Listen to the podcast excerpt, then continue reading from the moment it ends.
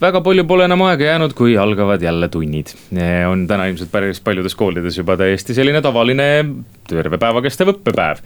aga meil on hea meel tervitada stuudios nüüd sihtasutus Tallinna Koolitervishoid juhatuse esimeest Kädi Leppa, tere hommikust. tere hommikust ja head õppeaasta algust kõigile. kas kooliõed vist on juba tööl, ma eeldan, natukene varem ikka, kui tunnid algavad? Mm, ma arvan, et mõned õed on juba platsis ja, ja valmistavad, kell kaheksa algab tööpäev. kui eriline see on kooliõdedele, see uus õppeaasta, kui teistsugune see saab olema äh,? iga aasta algus on teistsugune.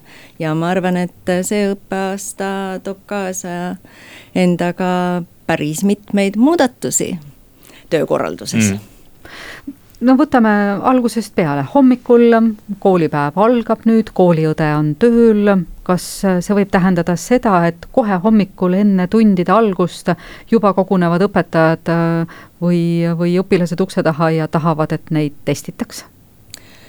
Ma iseenesest arvan, et see võib ka nii olla, aga see võib ka teisiti olla, sellepärast et eh, koole meil on palju, kooliõdesid on palju ja, ja igas koolis on omad tavad.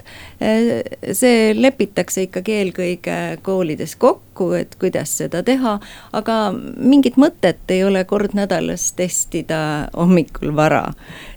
selleks võib valida sobiva ja nii õpetajale endale kui kooliõele ja teha seda rahulikult äh, järgemööda.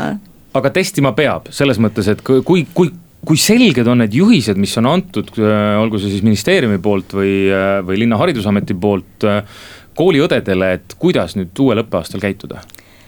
Juhiseid on meil tõepoolest üsna palju mitmete institutsioonide poolt ja ka Haridus-Teadusministeeriumi poolt ja ikkagi kõik selleks, et koolid jääksid avatuks ja, ja loomulikult ka kooliõed äh, mõtlevad sellele ja, ja äh, teevad kõik selleks, et see nii ka oleks.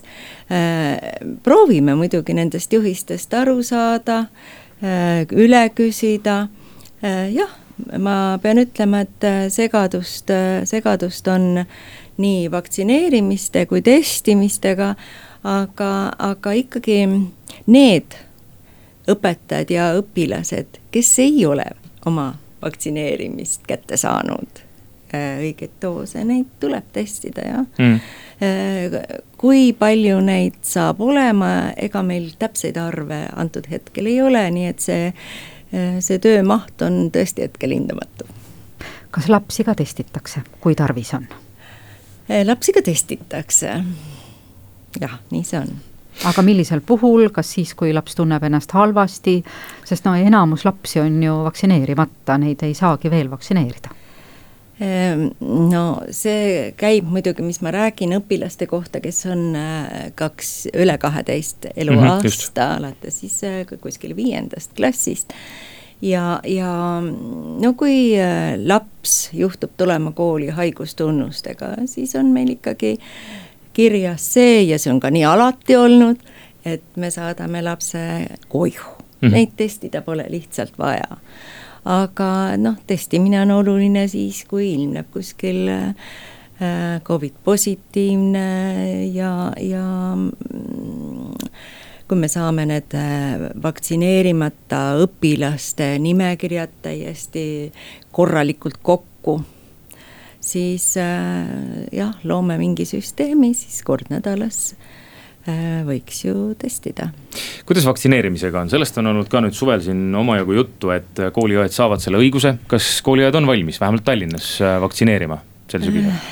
selle õiguse ma, me saime eilsest päevast, nii et tõepoolest muutus siis ambulatoorse õendusabi teenuse sisu ja sinna lisati Äh, punkt, mille järgi siis äh, kooliõdedel on õigus vaktsineerida äh, mitte ainult õpilasi, vaid ka koolipere liikmeid.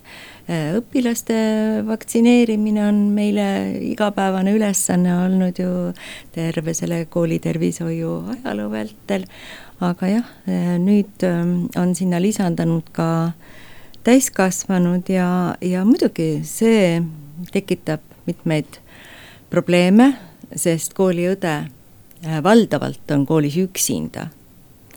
ja, ja ta vastutab kogu koolipere tervise eest antud hetkel, mis tähendab seda, et neid tööülesandeid võib paralleelselt hetkega tulla juurde, sest paraku ka koolis on näiteks õnnetusjuhtumid, traumad ja, ja see vaktsineerimise protsess, nii et kuidas me seda täpselt korraldame ei ole eh, minu asutuses ausalt öelda veel punkt punktilt selgeks räägitud, sest meile on antud võimalus seda teha ise mm. -hmm. see on üks variant, aga teine võimalus on ka see, et, et me kutsume siis ütleme mobiilsema eh, brigaadi kohale ehm, ja teeme seda seeläbi. ja, ja kui aus olla, siis mina kaldungi sinnapoole et, et see oleks mugavam, sellepärast et meie õed, ähm, no kuskil niimoodi pooled õed on töötanud nendes brigaadides ja me ise siin augusti nädala lõppudel ju koolides äh, olid äh, vaktsineerimise läbiviimise meeskonnad ja, ja see oli suurepärane tiimitöö aga seal oli ka kiirabitöötaja, seal olid ka arstid, nii et ikkagi koostöös äh, ikkagi sai see tulemus äh, parem ja ja vastutus ikkagi kooliõel selle ülesande täitmise eest on liiga suur mm. -hmm. no kuidas nüüd kooliõde peab äh, otsustama, millised juhised on, kui mm, tuleb tema juurde kaheteistkümne aastane noh, ütleme noormees ütleb, et ma sooviksin ennast Covidi vastu vaktsineerida. kas kooliõde peab küsima ka vanema nõusolekut või ta võib selle süsti sellele noormehele ära teha rahuliku südamega? jaa, meil on äh, mitu seadust, õigusakti, millest me juhindume ja, ja see ütleb seda, et, et igasuguse vaktsineerimise korral äh, tuleb küsida lapsevanema nõusolekut ja see peab olema siis äh, äh, taasvõimaldavas esituses mm -hmm. uuesti.